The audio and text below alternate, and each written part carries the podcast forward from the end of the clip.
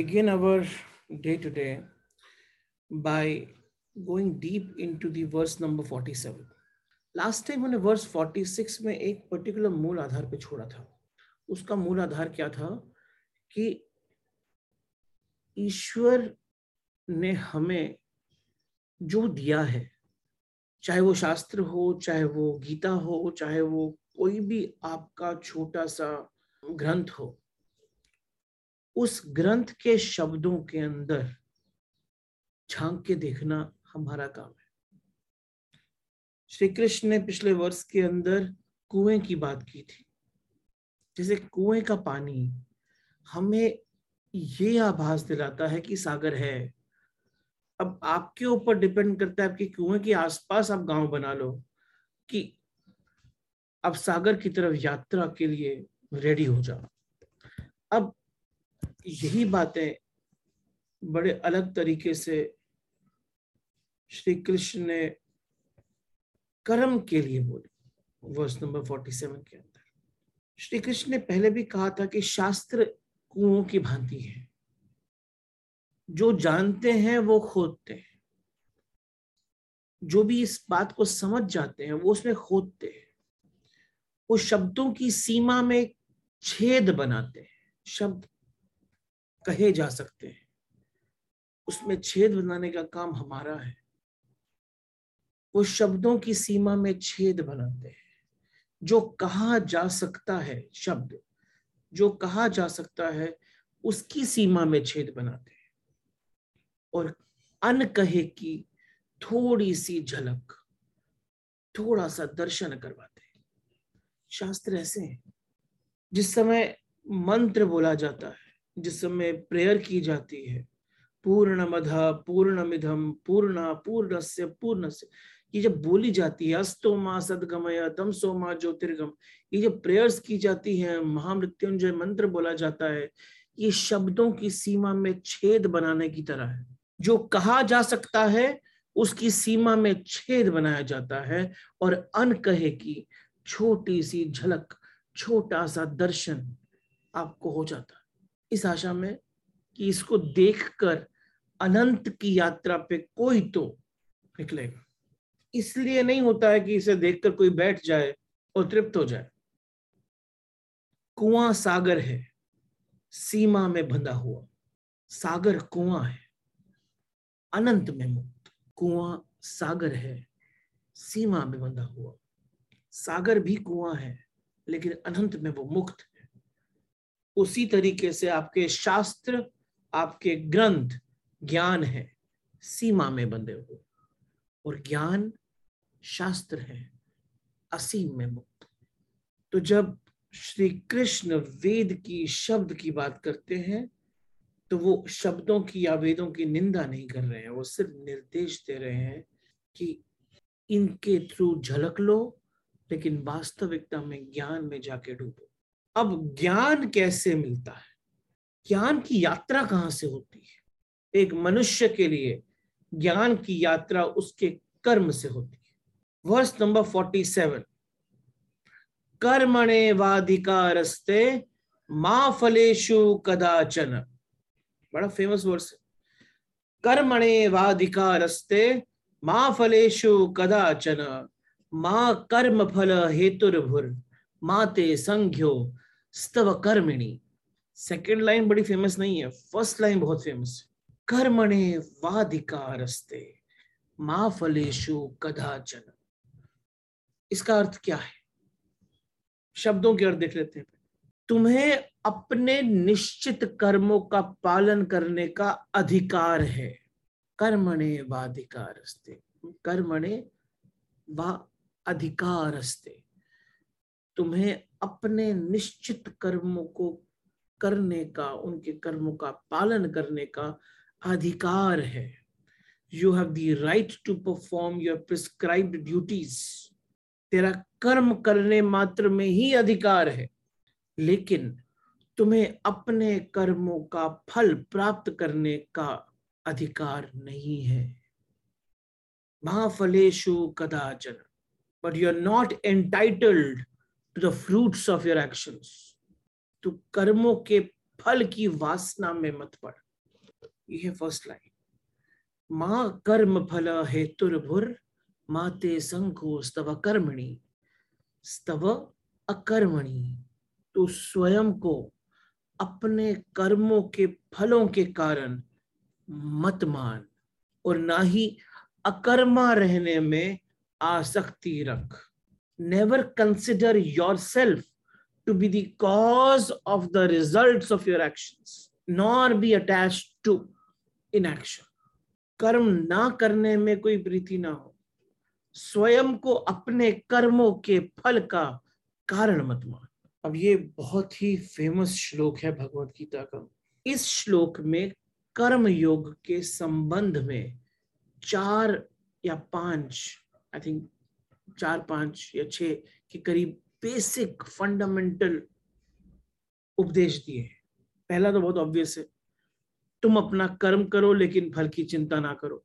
दूसरा, जो कि बहुत ऑब्वियस नहीं, लेकिन बड़ा क्लियरली प्रेजेंट किया हुआ है, तुम्हारे कर्म का फल तुम्हारे सुख के लिए नहीं है। तुम अपने कर्मों के फल के भोक्ता नहीं हो। दूसरा उपदेश डिटेल में जाएँगे। तीसरा उपदेश, कर्म करते समय कर्ता होने का अहंकार ना करो। चौथा उपदेश, अकर्मणीय रहने में आसक्ति ना रखो। अकर्मणीय मतलब नो एक्शन इन एक्शन की तरफ़ अटैच मत हो जाओ।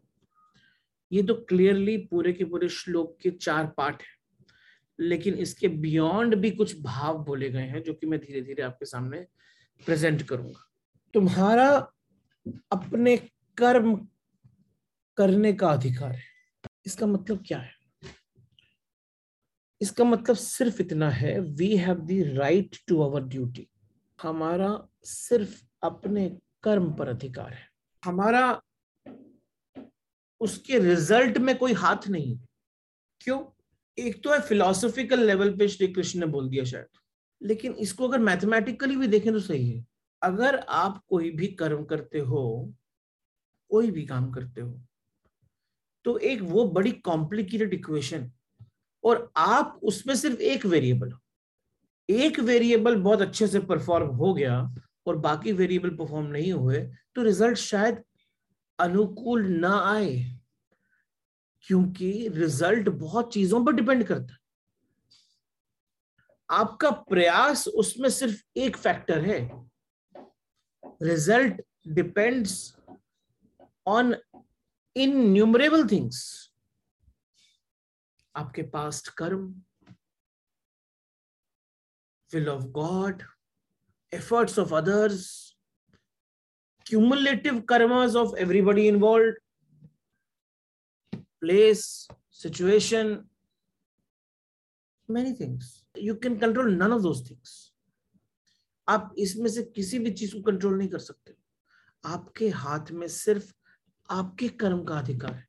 ये पहला पॉइंट जब श्री कृष्ण ने आपके सामने प्रस्तुत किया है ना, ये बहुत ही डिटेल्ड पॉइंट हो गया है। क्योंकि ये सूत्र जो है ना, ये बहुत ही इंपॉर्टेंट वर्ड पे बैठा है, वो है अधिकार। अधिकार है कर्म में।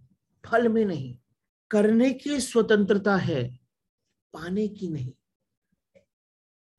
क्योंकि करना एक व्यक्ति से निकलता है और फल समिष्ट से निकलता है। जो मैं करता हूँ, वो मुझसे बहता है। लेकिन जो होता है, वो समस्त का हाथ है। करने की धारा एक व्यक्ति की है, लेकिन फल का सार समस्त संसार का है, समिष्ट का है। इसीलिए कृष्ण कहते हैं, करने का अधिकार है तुम्हारा। फल की आकांक्षा आपके हाथ में, फल तो वैसे आपके हाथ में है नहीं, लेकिन फल की आकांक्षा रखकर आप अपना नुकसान ही कर रहे हो। हम उल्टे चलते हैं। फल की आकांक्षा पहले होती है, कर्म पीछे चलता है। ये बात मैंने पहले भी कई बार बोली है कि फलों की आकांक्षा इस तरीके से है कि जैसे भविष्य प्रेजेंट को खींच रहा है। हम तो बैलगाड़ी के आगे हैं और बैलों को पीछे बाँध दिया है। कृष्ण सिर्फ़ इतना कहते हैं, कर्म पहले है, फल पीछे आता है, लाया नहीं जाता है, आता है। लाने का, फल को लाने का सामर्थ्य मनुष्य का है ही नहीं। करने का सामर्थ्य मनुष्य का है। कर्म। क्यों? क्यों हमारा फल लाने का सामर्थ्य नहीं है? क्योंकि मैं अकेला नहीं हूँ। विराट है। कर्मों का जंजाल है, जिसके अंदर मैं सिर्फ़ एक वेरिएबल हूँ।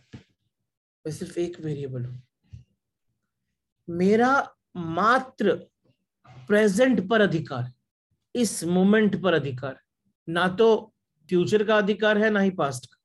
मेरा सिर्फ़ इस प्रेजेंट पर अधिकार है, और प्रेजेंट का अधिकार है।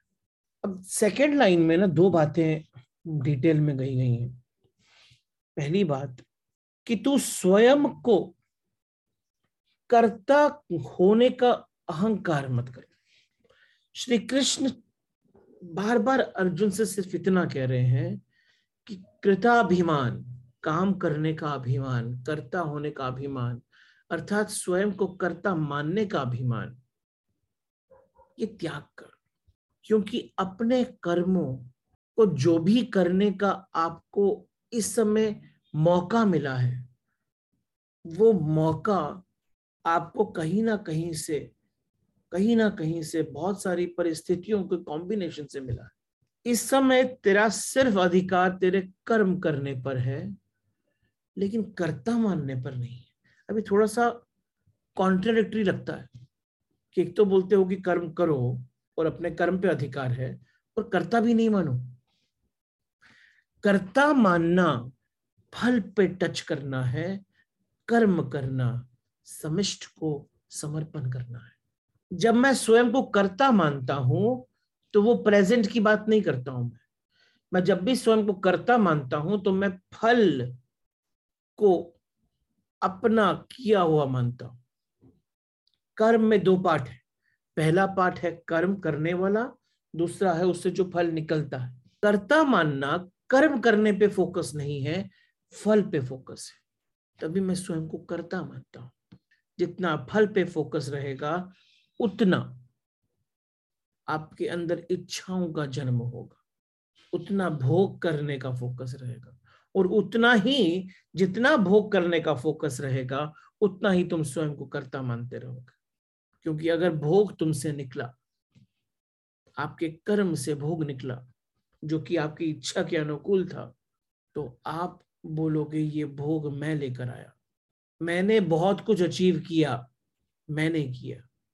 लेकिन अगर आपका कर्ता फ़र्स्ट लाइन पे, फ़र्स्ट लाइन पर फोकस रहेगा, कर्म पे अधिकार रहेगा तो बोलोगे मैंने कर्म किया, जो भी मुझे मिला, वो ईश्वर की कृपा से मिला।